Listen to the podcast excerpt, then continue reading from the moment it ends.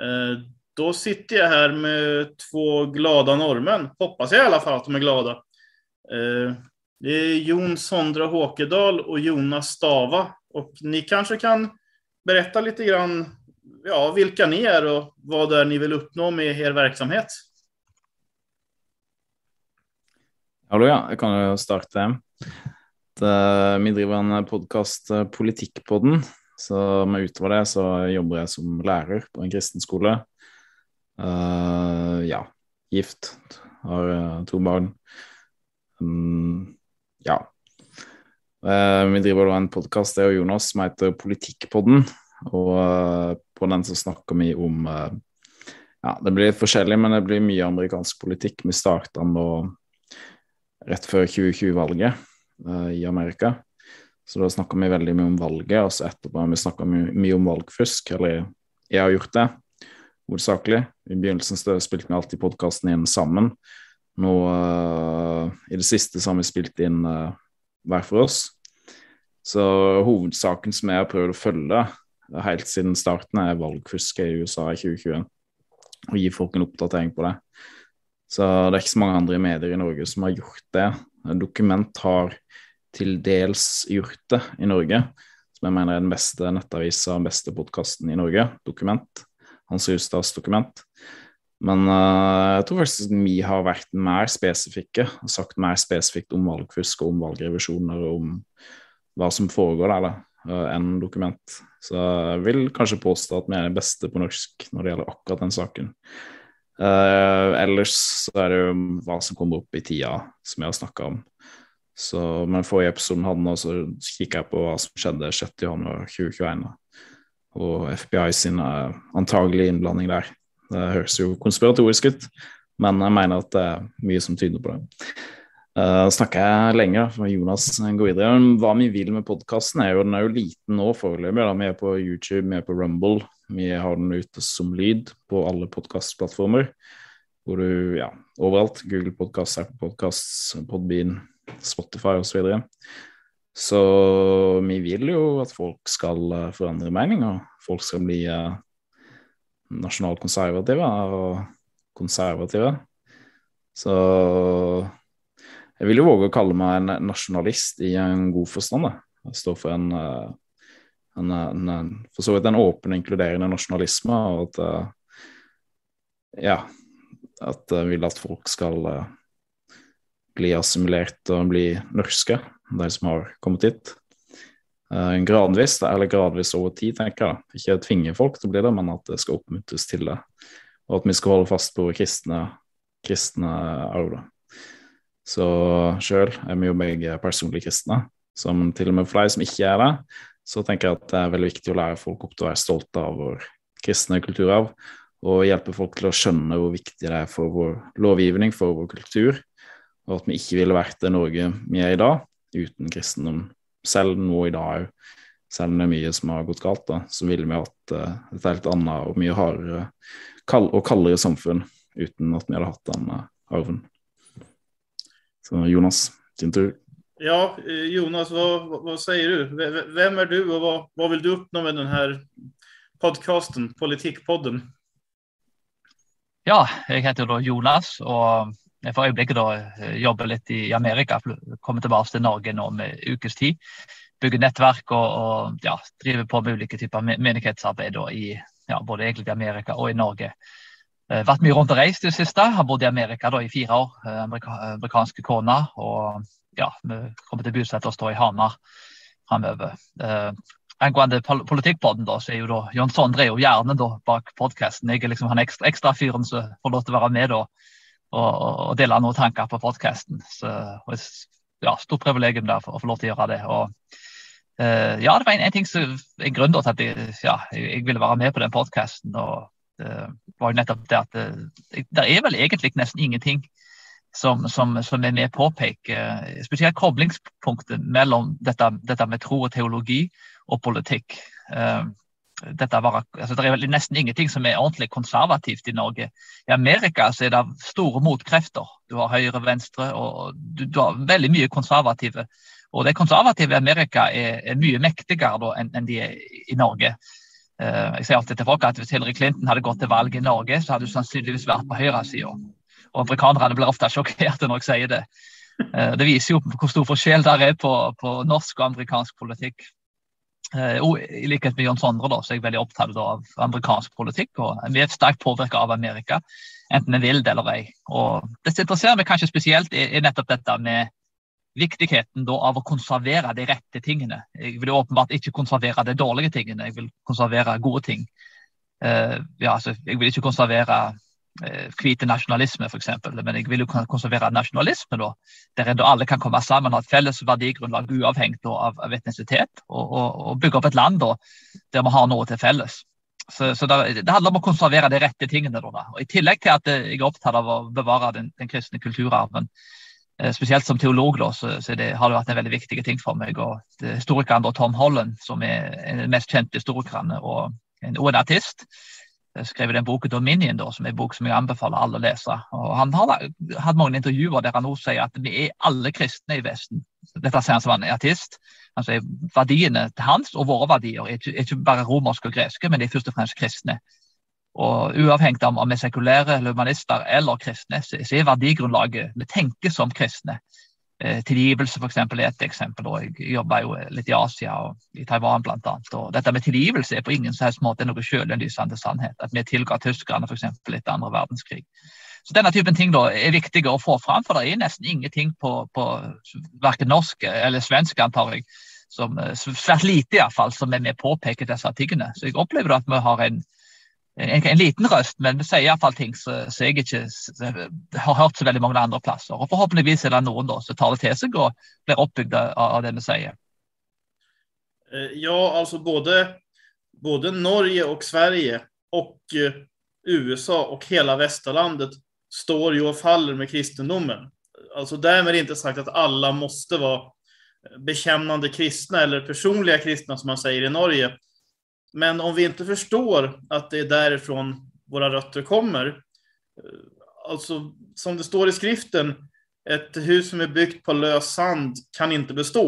Og eh, det er vel egentlig det som er problemet i Eh, Nå kanskje ikke jeg skal foregå mine egne spørsmål frågor å svara på dem selv, men jeg opplever upplever ibland at de kristne i Sverige og Norge forstår ikke politik Og den, den politiska konservatism jag tror mig var en del av förstår inte religion. Och någonstans i mitten hamnar vi eh, som försöker förstå båda sakerna samtidigt. Men jag tänkte fråga er, innan vi går över till USA som jag förstått att ni båda två har ett stort intresse för och jag har ju själv vistats en hel del i USA tidigare så jag vet att den amerikanska konservatismen är mycket starkare än vad den är i Skandinavien. För att i Skandinavien så har vi en urvattnad version som består av Erna Solberg och Fredrik Reinfeldt som hade gått med i Demokraterna om de hade bott i USA. Eh, men först skulle jag vilja fråga grann om Norge, så jag undrar hur är situationen i Norge just nu? Vad, vad kan ni säga om den? Det har ju nyligen varit regeringsskifte till exempel. Bjørn Sondre, hva, hva tenker du? Nei, som politisk så er den jo veldig begredelig.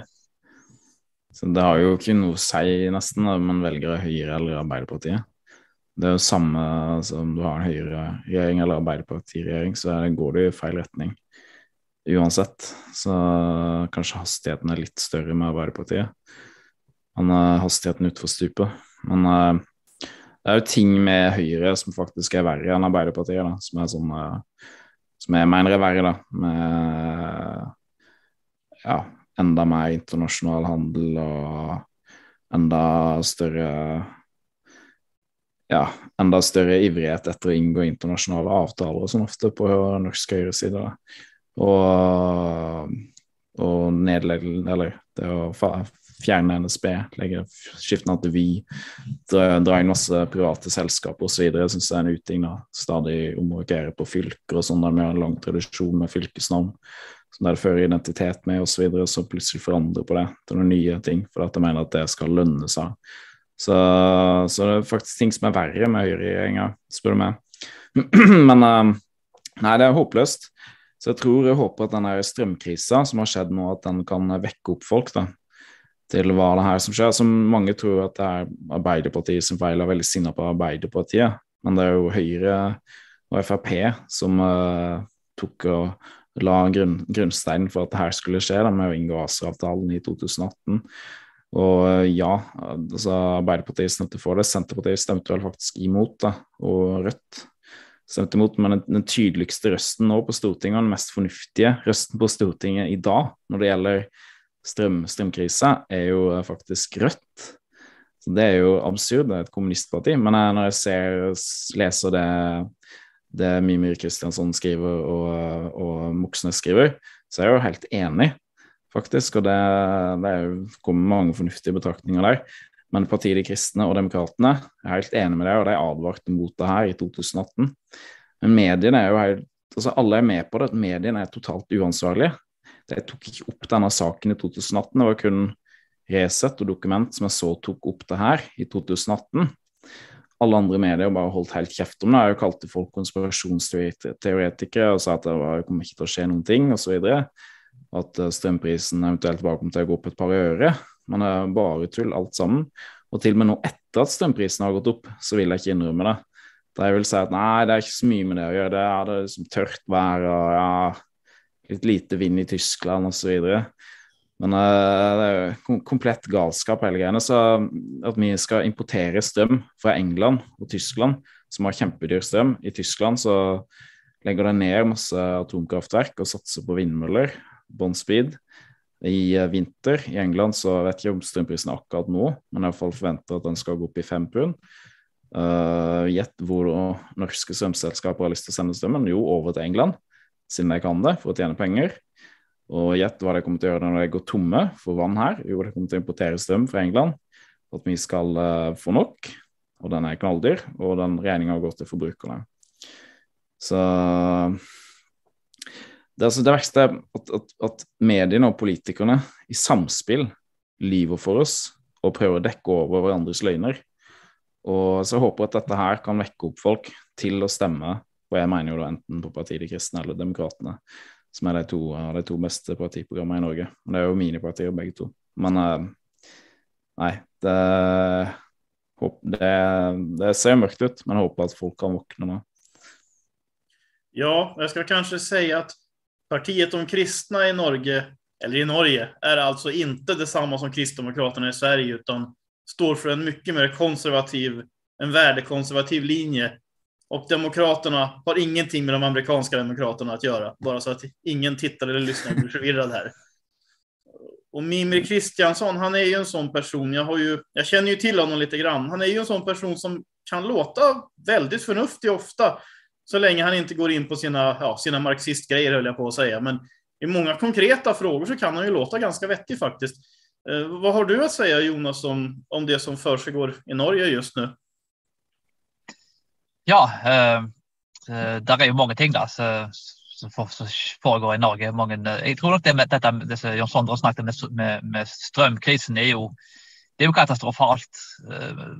og mye av den grønne bevegelsen spesielt. da, altså Du ser til sammen med, med statskirkepolitikerne og mediene jobber jo systematisk egentlig for, for, å avvikle oljeindustrien. Men det er jo en av kjernesakene til biskopene i Norge.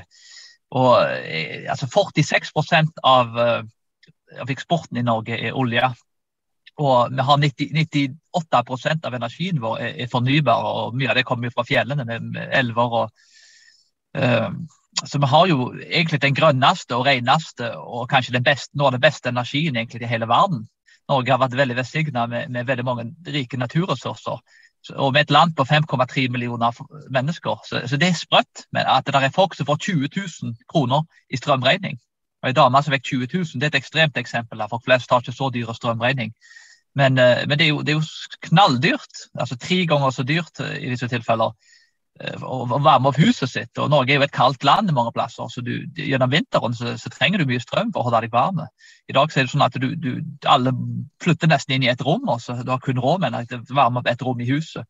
Og Dette går utover de fattige det går utover de aller fattigste og de som har minst. Et land med, med så mye energi, så da selger alt dette strømmen til utlandet, og Tyskland har bygd ned atomkraftverkene sine.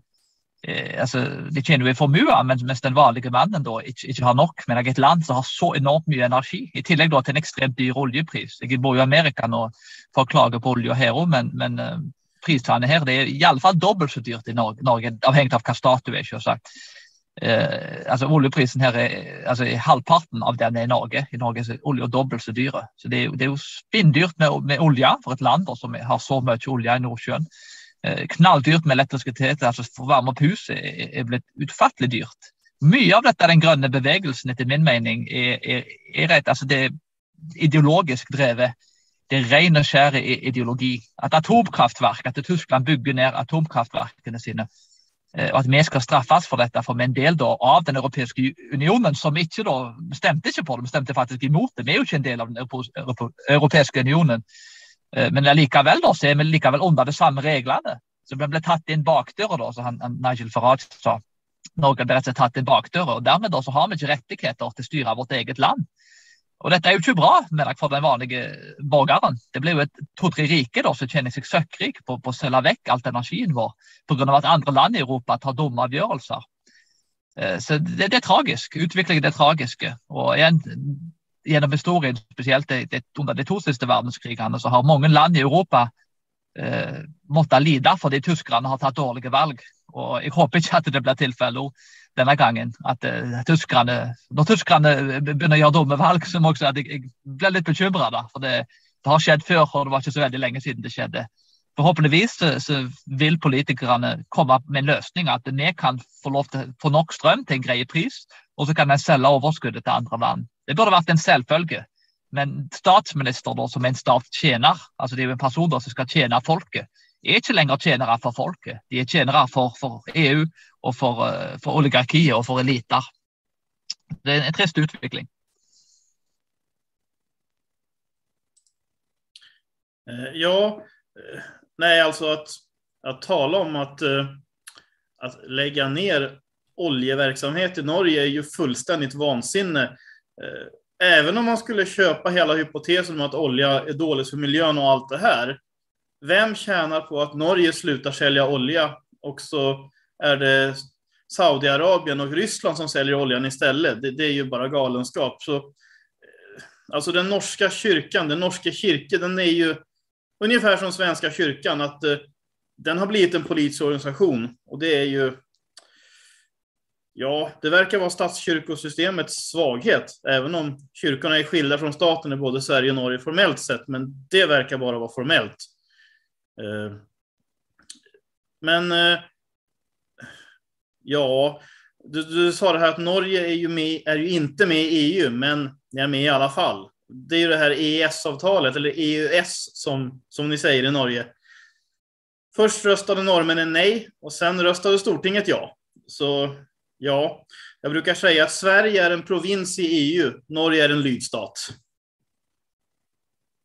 Eh, jag tänkte fråga... Kan jeg hoppe inn her? Ja, du har et spørsmål? Ja, eller ville du kommentere det, det jeg sa? Uh, du kan stille spørsmål, så får jeg se om jeg svarer på det. eller om jeg det. Ja, ok, men da tar vi, då tar vi frågan då. Uh, hur är det att vara kristen och nationalkonservativ i Norge? Som jag i alla fall uppfattar det båda två som. Det kan si litt om det vi akkurat snakka om uh, først, så skal jeg svare på det.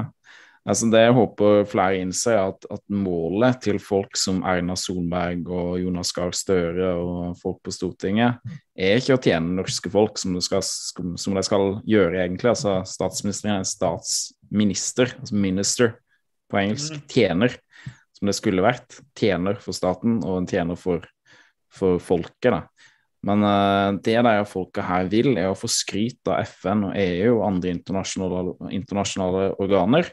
Og så håper de på en internasjonal toppjobb, skattefri internasjonal toppjobb, der de kan ha en spennende, spennende jobb, der de kan reise mye rundt og besøke andre land og ha det gøy. Og så Det er det som er målet, å smiske de internasjonale organisasjonene, ikke å tjene norske folk.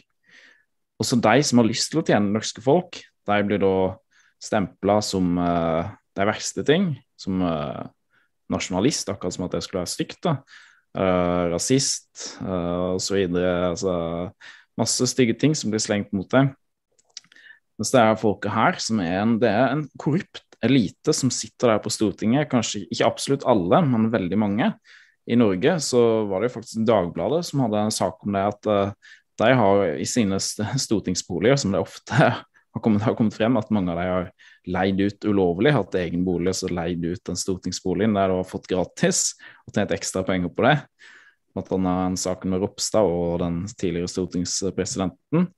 Så der, i, tillegg de, i, tillegg til det så har vi da med de stortingsboligene gratis strøm, det er gratis internett, gratis brøyting, De får lov til å tegne avisabonnementer som plussabonnementer osv. inntil jeg tror det var 15 000 kroner. Det vil jo si så å si ubegrensa. Masse goder som de har vedtatt for seg sjøl, og så har de god lønn i tillegg. Og på toppen av det hele, om det er 700 000, 800 000 eller hva det er, jeg husker ikke. Uh, så altså, det er Jeg tror mange nordmenn er jo blir jo sjokkert når de hører det her. Vi er jo vant til at vi skal ha et sånt likt samfunn, alle skal være like. og Folk skal være fornøyde med det de har. Men det har utvikla seg at det blir en korrupt elite på Stortinget. Jeg håper at flere og flere vil våkne og se at det her folka her, det, det er ikke alle stortingspolitikere som vil oss vel. De, de vil tjene seg sjøl og sine egne interesser. I tillegg så vil de da fremstille seg sjøl som gode på toppen av det hele idet de raner det norske folk, idet de går imot våre interesser. Går rett imot våre interesser. med å ha stemt nei til EU to ganger, men stortingssumpen har stemt ja.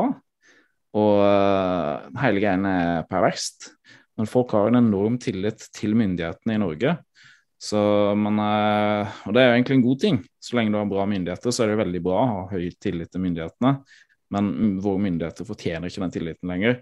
Så jeg håper at folk vil våkne og få mindre tillit til myndighetene, rett og slett. For de fortjener ikke den tilliten. Når det gjelder andre spørsmål, hvordan opplever det å være nasjonalkonservativ og kristen, så opplever jeg at de fleste kristne i Norge er utrolig uh, feige politisk. Og jeg der innser heller ikke sjøl at den kulturen vi har, er, og lovgivningen vi har, er så sterkt påvirka av kristendommen. Så de fleste kristne i Norge har den holdningen der at det er veldig fornøyde så lenge ikke staten arresterer deg, rett og slett. Så det er sånn her, Vær så snill, ikke gjør noe med meg. Uh, ja, som jeg vil på en måte helst gjøre minst mulig ut av meg. og De fleste kristne vil ikke snakke om at Gud er herre over staten. Nei, det er liksom, ja, det er skille mellom kirke og stat. og vi kan ikke, Så lenge ikke staten plager oss, så er vi fornøyde, liksom. Men ikke en, en den uh, hva skal jeg si, aggressiv, ikke i god forstand, aggressive holdningen om at, at uh, kristendommen er viktig i politikken. Gud er herre over staten, han er her overalt. Og at hadde ikke vi hatt denne kristne grunnlaget i vår kultur, så hadde vi vært et mye, mye verre land.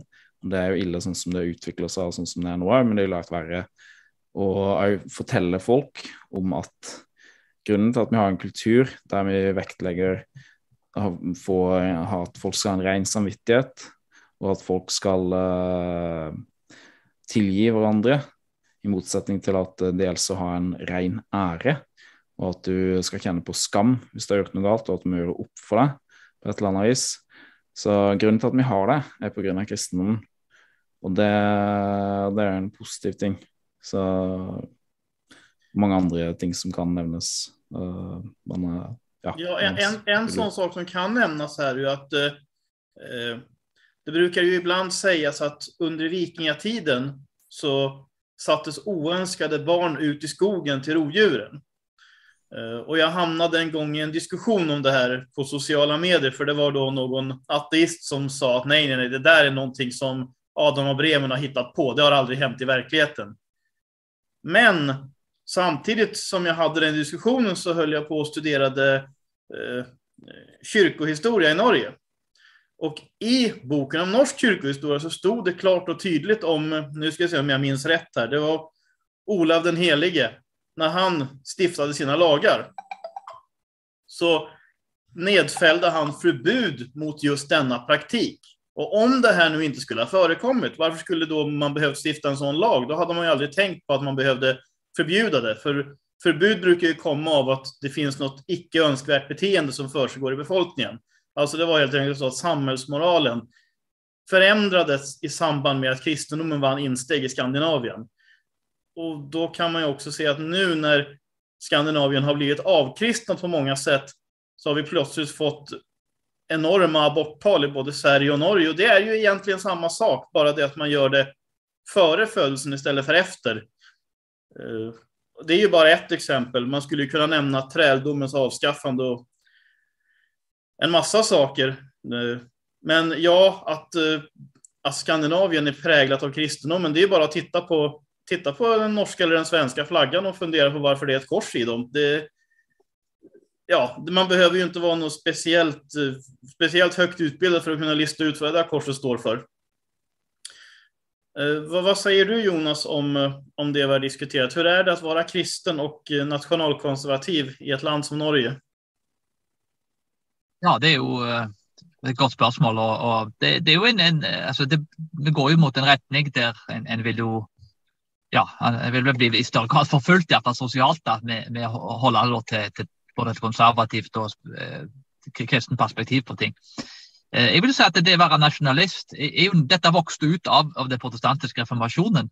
Og det vokste ut av, av, det romerske riket, altså det, det katolske romerske riket. Men en sa det var verken romersk, katolsk eller hellig, en, en historiker som sa det. Og, og, det var jo det at det, det, det latinske riket der, det, jo, fungerte jo på samme måte som EU. Det, var jo egentlig en form for imperialisme. Og Ironisk nok så er det jo nettopp det vi går tilbake til. Vi går tilbake egentlig til å reversere den protestantiske reformasjonen, den nasjonalstaten i den jødiske og protestantiske tankegang så, så, kom jo dette ut, og det har blitt sekularisert og uttrykt i et politisk språk. da. Så Nasjonalstaten er det beste vi har kommet opp med så langt i historien. Det kan godt være frem til det kommer noe bedre. Og, og, og Diskusjonen som alltid kommer opp, da, er, er da Hitler. Hitler var nasjonalist. Og Hitler var ikke nasjonalist, han var imperialist. Koloniserte andre land og, og ville ta andre land. Og Et av budene i Bibelen er at du skal ikke stjele Du skal ikke stjele andre land og ressursene og andre ting til andre land. Så, så Imperialismen er jo ikke en kristen arv, det er jo egentlig den romerske arv. Når vi har henta fra romerne, som da koloniserte andre, så beklageligvis har blitt uh, integrert i, inn i kulturen i, i visse tilfeller. Så, så Hitler var en imperialist, han var ikke da en, en, en nasjonalist. En, en, nasjonalisme vil jeg si faktisk, er jo nettopp det som er nødvendig hvis en vil ha mindre rasisme. Hvis en, en, vil ha et samfunn der ulike etnisiteter kommer, så er vi alle en del av, av dette landet. Så, altså, før kristendommen kom inn i Norge, så, så drepte vikingkongene hverandre. Alle var hvite, og de drepte hverandre likevel. Så det var stammehøvdinger og, og, og kladmentaliteten som styrte. Når kristendommen kom inn, var det én konge og, og ei kirke. Så var alle under en konge og ei kirke. Dermed da, så, så, var det en enhet. Alle en kristen og en bror. Så Jesus sier da at uh, den som er broren og søsteren min, er, den da som gjør viljen min. Så det som følger budene og gjør, gjør Kristus sin vilje, blir da en bror og en søster. Så dermed da så, så, så skaper en nestkjærlighet som da ikke eksisterer i andre livssyn og andre religioner, som gjør at eh, i tillegg til nasjonalismen, så skaper du et samfunn der folk faktisk kan elske hverandre, til tross for at de ikke er en samme familie, samme klan og samme hudfarge. Så Hvis vi vil ha mindre rasisme i Norge i framtida, så bør vi faktisk omfavne nasjonalismen. Så Det er veldig ironisk at nasjonalisme da får, det, for det på seg at, at, dette er med fremme rasisme. Mens dagens klan- og, og, stammesamfunn vil jeg si, i mye større grad er med faktisk å, å, å skape nettopp de tingene da, så, så, så, folk da sier de ikke kommer til å skape. Altså Mer splittelse, mer hat internt og i ulike grupper. Så Vi må ha et felles verdigrunnlag som landet er bygd opp på. Og da også folk, Hvis de kommer her, og de trenger selvsagt ikke bli kristne for å være i Norge eller Sverige og Skandinavia, men, men eh, en bør da ha eh, no, et, et, en felles arv, et felles kulturarv, der alle da kan si at dette, dette, er gode ting, og jeg ønsker å følge dette, til tross for kanskje ikke tror på det eller ei. Så, så det, det, det, er en tragisk utvikling at vi er med å avvikle alt, alt dette her. Ironisk nok, da, midt oppi dette her, så kom jo, vokste jo konservativ islam fram, som har et helt annet verdigrunnlag enn hva vi har. Og som det ikke har skapt frie samfunn, sånn som vi ser da i, i Vesten. Altså, Vi kan jo bare se islamsk historie, hva det landet har produsert. Altså, Det er verken frie eller, eller samfunn som ivaretar den svake. Eh, så, så, Det er jo litt ironisk at det, parallelt da med at vi avliver våre egne barn gjennom abort, og, og snart så setter vi sikkert ungene ut i skogen nå hvis dagenes utvikling fortsetter, så parallelt med det da, så vokser det fram en, en veldig veldig aggressiv og konservativ islam. Og Ironisk nok så er det jo nettopp de sekulære som vi bygger dette her opp. Så, så, det er jo en, en, en, litt av et paradoks, egentlig, og nærmest en ironi der, som, som vi lever i i dagens samfunn. Så jeg mener vi må tilbake til ja, de kristne verdiene, de konservative verdiene, og, og, og, og det, dette med nasjonalisme. Og jeg tror det vil være i hvert fall ett steg da, på rett retning. Ja, altså varje... Altså, hørte ja, vi, tar, vi tar Jon Sondre først. Ja, nei, altså det, det hørt han eh, Kjell Skartveit uh, si, jeg regner med at det stemmer siden han sier det på Dokument sin uh, podkast, at uh, da kristendom ble innført i Norge, så ble det òg innført lover som forbøy å gifte seg innad i sin i sin egen slekt opp uh, inntil femte og sjette ledd. Så for å nettopp bygge ned det klansamfunnet som eksisterte, så for en pleide å gifte seg da innad i familien med tremenning, eller vet ikke om fetter og kusine var vanlig, iallfall med sånn tremenning, fjærmenning, for å bevare enheten innad i sin ett. Men for å nettopp fjerne ettersamfunnet, så forbøyer en da at folk skulle kunne gifte seg da opptil femte og sjette ledd, for at en skulle tvinges til å gå utenfor sin egen ett og finne seg en kone eller mann. Og da, det, da fikk en vekk det oppdelte og oppstykka samfunnet, hva skal jeg nesten kalle det et slags multikulturelt samfunn på den tida, der hver ett hadde sin kultur og sine normer. Uh, til en viss grad, og i var sterkt, veldig sterkt lojale til sin ett, og da heller fikk en sterk, sterk lojalitet til, til, hele fellesskapet og til, uh, til uh, staten. Så det er merkelig at vi ser i dag at det bygges eh, da At vi oppmuntrer til, eh, til multikultur. Vi oppmuntrer til å bygge ned fellesskapet vårt. Og til syvende og sist er det jo egentlig det at vi ikke vil Altså hvis vi mener at Hvorfor, hvorfor kommer folk til Norge? Jo, det er jo fordi at de mener at et eller annet er bedre med vårt land enn det landet de kommer ifra. Og da er det best at vi lar dem omfavne det totalt. Hvorfor ikke da si at når du kommer hit, ok, vi omfavner dere totalt. Vi vil at dere skal omfavne oss totalt og bli en av oss. Og siden du har forlatt ditt land, forlatt, som så, betyr det jo at du iallfall til en viss grad er villig til å forandre på ting. Da. Og selvfølgelig er det vanskelig å med en gang uh, bli, bli, uh, bli, norsk. Det kan være umenneskelig å kreve det av folk med en gang, men at iallfall en da tillater da slekta gradvis å bli mer og mer norsk, sine barn og sine barnebarn og gjerne, som blir da uh, mer og mer norske. Så Men uh, det er trist, det som skjer. Og det er Victor Davis Hansen han har jo snakka om han er historikeren i Amerika, veldig bra. Han snakka om det på, på 60-tallet utover, hvordan han så eh, eller hvordan folk da Han snakka særlig om California. da, Folk som allerede egentlig hadde blitt assimilert, eller iallfall veldig godt integrert inn i det amerikanske samfunnet da, etter hvert den eh, ekstreme eller identitetspolitikken begynte å komme inn fra 60-tallet utover, så ble så han det at eh, Eller var det, var det folk som da ble hva skal jeg si, deintegrert, deassimilert, som egentlig hadde vært det. For da ble det plutselig Å ja, jeg er hispanic, jeg har jeg har jo liksom latinsk blod i meg. Ok, ja, men Da må jeg prøve å omfavne den identiteten mer. Jeg må liksom legge om på hvordan jeg uttaler navnet mitt, og få det mer spansk, og begynne å henge mer med de folka der. Og så ble det sånn oppstykka og delt samfunn i California, og hele Amerika for øvrig. Du ser jo hvordan det går med California nå. Det går elendig. Masse kriminalitet, kjempedårlig økonomi. Og det henger jo selvfølgelig sammen med flere andre ting, ikke bare det her, men det henger òg sammen med det. Men det som skjer nå i Amerika, er jo veldig, veldig, veldig bra. Det du ser at uh, med tanke på latinerne, det er jo kanskje litt annen digresjon, men nå er det jo meningsmålinger som viser at de er ja, tyder på at det kommer til å bli 50% og antageligvis mer, som kommer til å stemme republikansk nå til, til høsten og antageligvis i 2024. Så det får jo De begynner å få panikk for det da, i uh, USA, demokratene og media, så det er en god ting. da. For det, det, Når de er kommet til USA, så er det klart at de, de har kommet dit fordi at de mener faktisk at det er bedre å bo i USA enn å bo i Colombia. Det er bedre å bo i USA enn Cuba. Og, og det er det du er. Så ja, la deg omfavne. Og omfavne deg. La deg bli amerikanere. Eh, ja, ja, jag har ju tillbringat en, en, del tid i Wisconsin tidigare. Och till och med i Wisconsin så började de plötsligt att sätta upp skyltar på spanska inne på bussarna. Och Wisconsin ligger, för den som inte vet, vid den kanadensiska gränsen, inte vid den mexikanska. Men det jag skulle säga är ju att varje land som vill vara någorlunda framgångsrikt behöver ju en sammanhållning. Alltså det behövs ju en gemenskap eller ett fälleskap som, ja, som man säger i Norge. Och det är ju här nationalismen kommer in. Bara för att man älskar sitt eget land och sitt, e och sitt eget folk så betyder det ju inte att man hatar alla andra. Det är här någonstans som, som liksom tankegången går fel hos väldigt många, både hos kristna och ateister. Att om jag säger till exempel att jag älskar Sverige, så betyder ju inte det att jag, att jag hatar Norge. Och om jag säger att jag älskar Norge så betyder ju inte det att jag hatar Finland. Men här någonstans går det fel hos många att du ska liksom vara så självutplånande. Men människor som kommer till Sverige och Norge, många av dem är väldigt nationalistiska.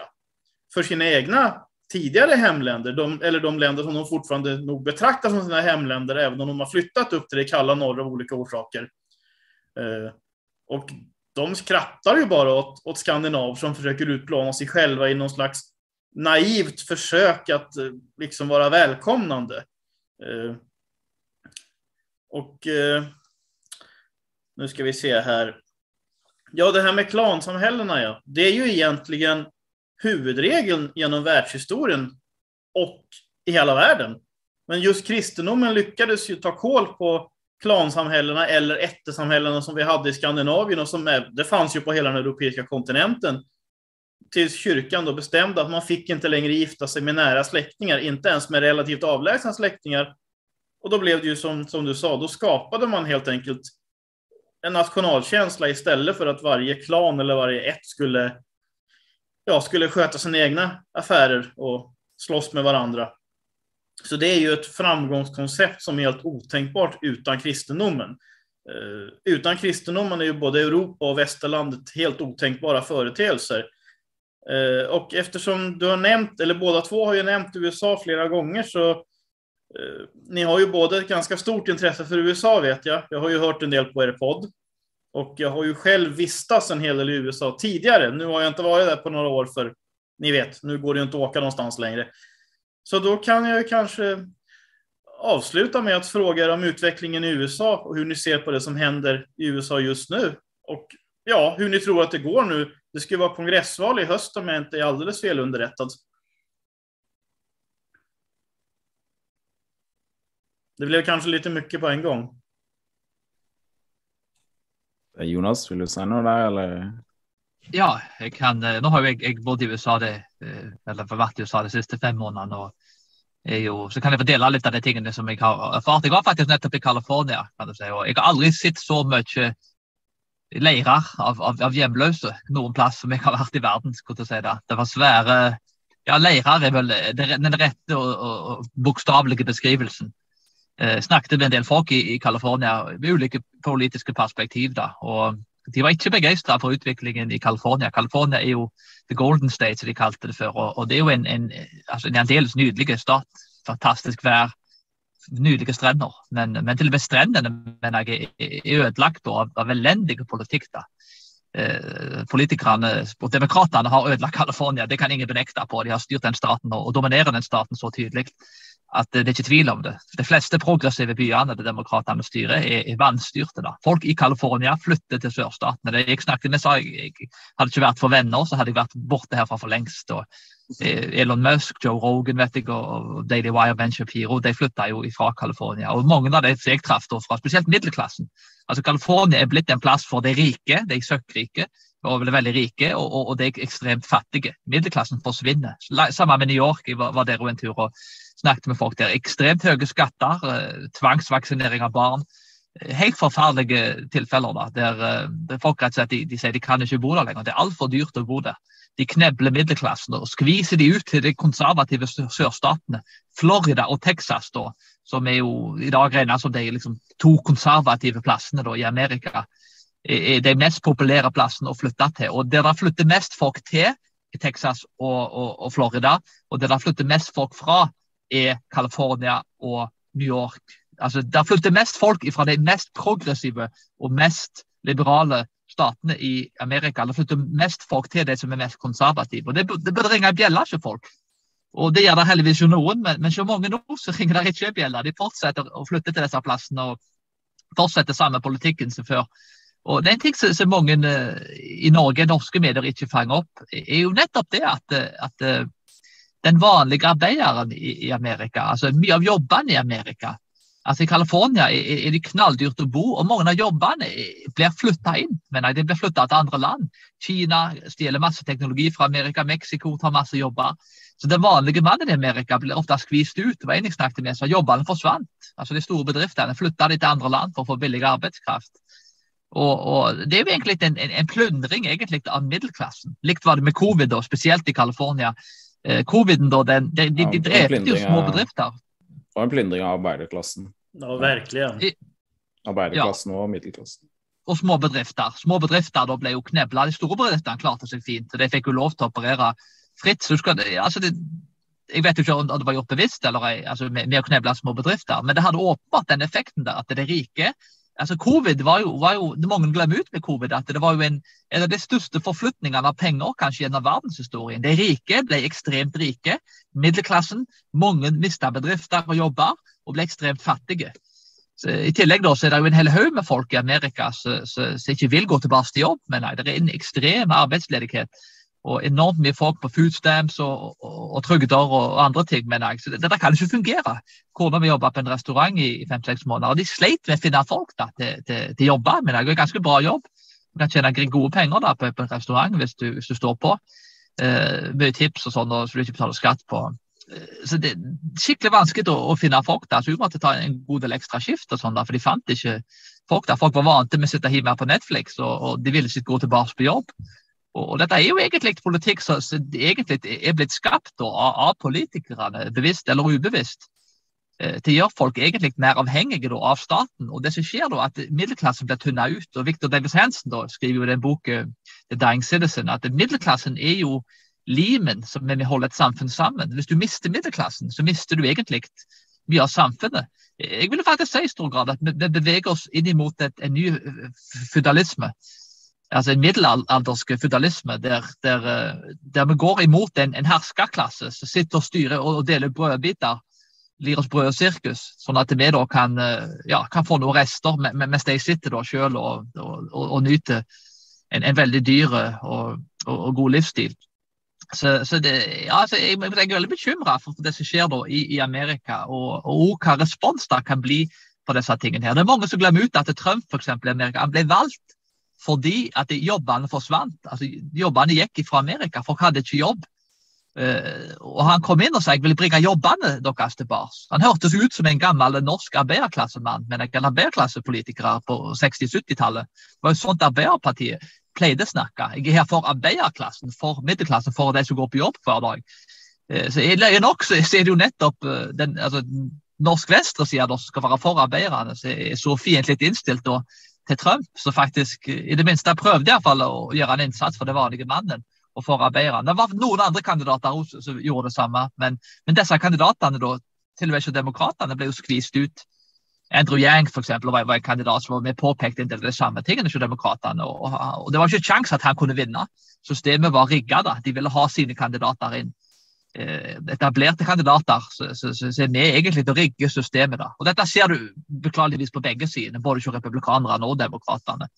Så det, det, er en uheldig utvikling i Amerika, da, og folk er frustrerte. da, Derfor det jeg har snakket med her. og Jeg har truffet veldig mange folk da, i løpet av denne, denne perioden. her da. Jeg har besøkt mange stater og truffet veldig mange forskjellige folk. og Jeg sitter med et inntrykk da, at eh, ja, utviklingen er veldig uheldig. Jeg får bare komme positiv, eh, positivt snitt. Da var Jonas veldig negativ. Men det var et spesifikt spørsmål om, eh, om, eh, om fremtida til USA ja, og hva som skjer nå. Så, jeg, altså, jeg er egentlig veldig positiv til det som skjer nå. For at uh, på meningsmålingene og sånn, så har jo republikanerne, med tanke på uh, valg til, uh, til Kongressen, da, til Representantenes hus og Senatet i høst, så leder republikanerne som 10 uh, på meningsmålingene noe som er helt absurd høyt, som jeg aldri har gjort før. Og Meningsmålingene pleier å være laget på en sånn måte at de, de, de viser mer støtte til demokratene enn det, som egentlig i realiteten er på bakken. Så, så, jeg tror at det vil bli en såkalt blowout til høsten, da, med mindre det jukser som noen gale. Og demokratene er glad i å jukse, men uh, så løsningen på det problemet er jo det som de gjorde i Virginia, da han Glenn Junken vant, det var at uh, vanligvis så har de bare fylt opp plassene med såkalte election officials, uh, som er valgmedarbeidere, og uh, poll watchers, valgobservatører, til ja, mellom 15 og, 15 og 30 så, men der i, i, Virginia, der han vant nå i høst, så var det da 95% av plassene var fylt, for, var fylt opp da, etter store kampanjer journalistikk da, fra Steve Bands Warham, som er en glimrende podkast. Men jeg mener at eh, hvis du får med, får med deg nyheter i verden, så er det den beste, beste podkasten eller TV-programmet å høre på. Uh, etter store uh, kampanjejournalistikk derfor for å få folk til å melde seg til uh, bli sånne election officials på Watchers, og òg fra andre folk da, som driver media på høyresida i USA, så var det veldig mange som hadde fylt, uh, meldt seg som frivillige medarbeidere til det. Det tror jeg òg er republikanerne med, at folk må bli aktive på grasrotnivå og bli valgobservatører, bli valgmedarbeidere. Uh, melde seg inn i partiet på lavt nivå, være med og velge kandidater. Det er det de driver med nå, veldig aktivt, og jobber opp fra grasrota oppover. Og jeg tror det her, jeg tror demokratene vil ha vanskeligheter med å jukse så mye som de gjorde i 2020-valget. De vil jukse litt, men jeg tror ikke de kommer til å klare å stjele det. Så jeg tror at det her vi potensielt kommer til å se Vi kommer til å se at uh, republikanerne kommer til å vinne nå til høsten og få et flertall på ja, et sted mellom 50 og 100 seter i Representantenes hus, og forhåpentligvis er jo et flertall i Senatet. Så jeg tror at det kommer til å bli en blowout, og at uh, ja. Og det kommer til å bli maga republikanere òg. Det kommer ikke til å bli uh, republikanere som sitter der og snakker mange fine ord, men som ikke gjør noe. Men det kommer til å bli skikkelig bra republikanere som ikke bare snakker om skattekutt og snakker om uh, mindre stat osv., men som snakker om at vi skal gjøre Amerika stort igjen. Vi skal få arbeidsplasser tilbake om vi skal eh, komme til bunns i all korrupsjonen i den administrative staten. Og i 2024 så tror jeg at Trump kommer til å vinne. Trump kommer til å stille tror jeg, så lenge helse holder, og han kommer til å vinne. Og Hvis ikke han helsa hans holder, så er det mange gode kandidater etter han. Så jeg er egentlig ikke bekymra for det. Det er, ikke, det er faktisk ikke personen Trump jeg er så opptatt av, det er politikken hans. Det er hans fornyelse av amerikansk politikk, av det, av det republikanske partiet. Fra å være et parti som kun snakker om, om skattelette, om frihandel, og liten stat til å bli et parti som faktisk snakker om at vi vil gjøre det beste for Amerika. Vi vil at det skal bli enklere for familier å forsørge seg, og at folk skal ha gode jobber. Og at folk er uten særlig utdannelse skal ha gode arbeiderjobber på fabrikker. Og at det skal sikre grensene og sikre amerikansk kultur og suverenitet. Og trekke seg ut av alle de internasjonale avtalene. Så nei, jeg er veldig positivt innstilt. Trump leder med gjennomsnitt på 5% på meningsmålingene. Og Biden hadde en meningsmåling nå, nå, nylig som viste at han leder med 8% Så jeg tror at uh, Biden er ja. ja. Det, er, det, er ingen som syns det går bra i Amerika nå. Og uh, jeg tror jeg du vil se at, at uh, hispanics vil stemme for replikanere nå over 50 og at det jo mange, mange svarte vil stemme på Trump, og særlig svarte menn. Som han allerede fikk mange flere enn vanlige republikanere vil få i 2020.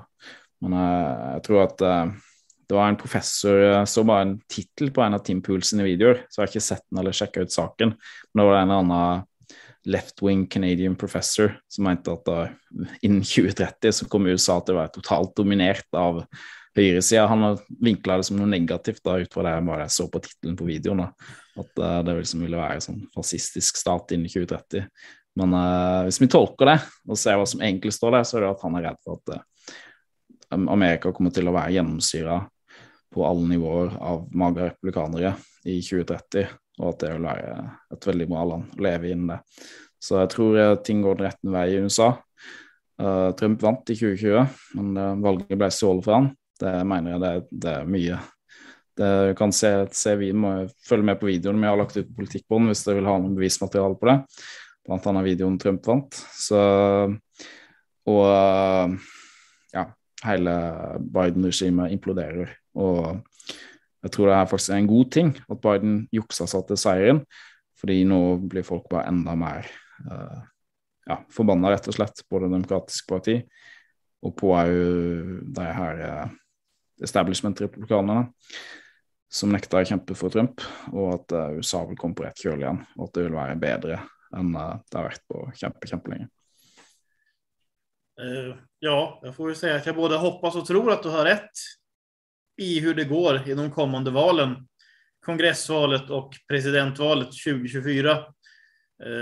Jeg var jo i USA under, un, under tiden som Trump styrte speciellt 2018 vistades jag väl nästan ett halvår tillsammans i USA i två, tre månaders perioder. Och det var now hiring-skyltar överallt. Inte bara i Wisconsin, även i Ohio och Indiana, till och med i New York. Eh, så det finns nog många nu som tänker tillbaka på den gamla goda tiden när Trump styrde, när alla som ville jobba fick jobb, när bensinen var billig, till och med priset på, eh, vad heter det, ground, eller alltså priset på, på storfe, vad heter det, alltså matpriserna sjönk också, alltså det är helt fantastiskt. Så ja, jeg jag hoppas och tror att du har rätt. Det kommer in en massa maga republikaner, Mitt Romney-typer, utan det är Trump, Ted Cruz, Rand Paul, den sorten. Eh, vem vet, Candace Owens kanske kandiderar, vi får se. Men Eh, ja, vi får hoppas och tro och be för att, att det går bra i, i valet i USA i höst. Och för all del i valet i Sverige också. Eh, I Norge får ni ju vänta två år tills det blir kommunalval i Norge. Eh, för till skillnad från Sverige så har ju Norge skilda valdagar. Men i alla fall, och här i Lettland ska vi ha val i höst och det blir intressant. Det ska jag inte gå in på nu för det skulle bli ett helt avsnitt bara det. Men jag ser att tiden håller på att ta slut, så jag vill tacka för att ni var med. Eh, Jon Sondre och Jonas. Och, eh, vi kanske kan göra om det här lite senare. Och jag vill, jag vill uppmana alla att, att gå in på, på er podd. Jag, jag lägger en länk till er YouTube-kanal under den här videon. Och kan folk leta sig fram till allt ni har. Men gå in och lyssna på den och titta på den. Det är väldigt intressant. Takk skal du ha, Johan. Det var hyggelig å være med. Ja, takk. Det var, det var hyggelig ja, at, at, ha dere med. Ja, takk for invitasjonen. Veldig kjekt å være med. Ja, tack. Eh, så ja, ha en, en trivelig afton eller ha det bra som man sier. Ja, ha det bra. Ja, ha det gott.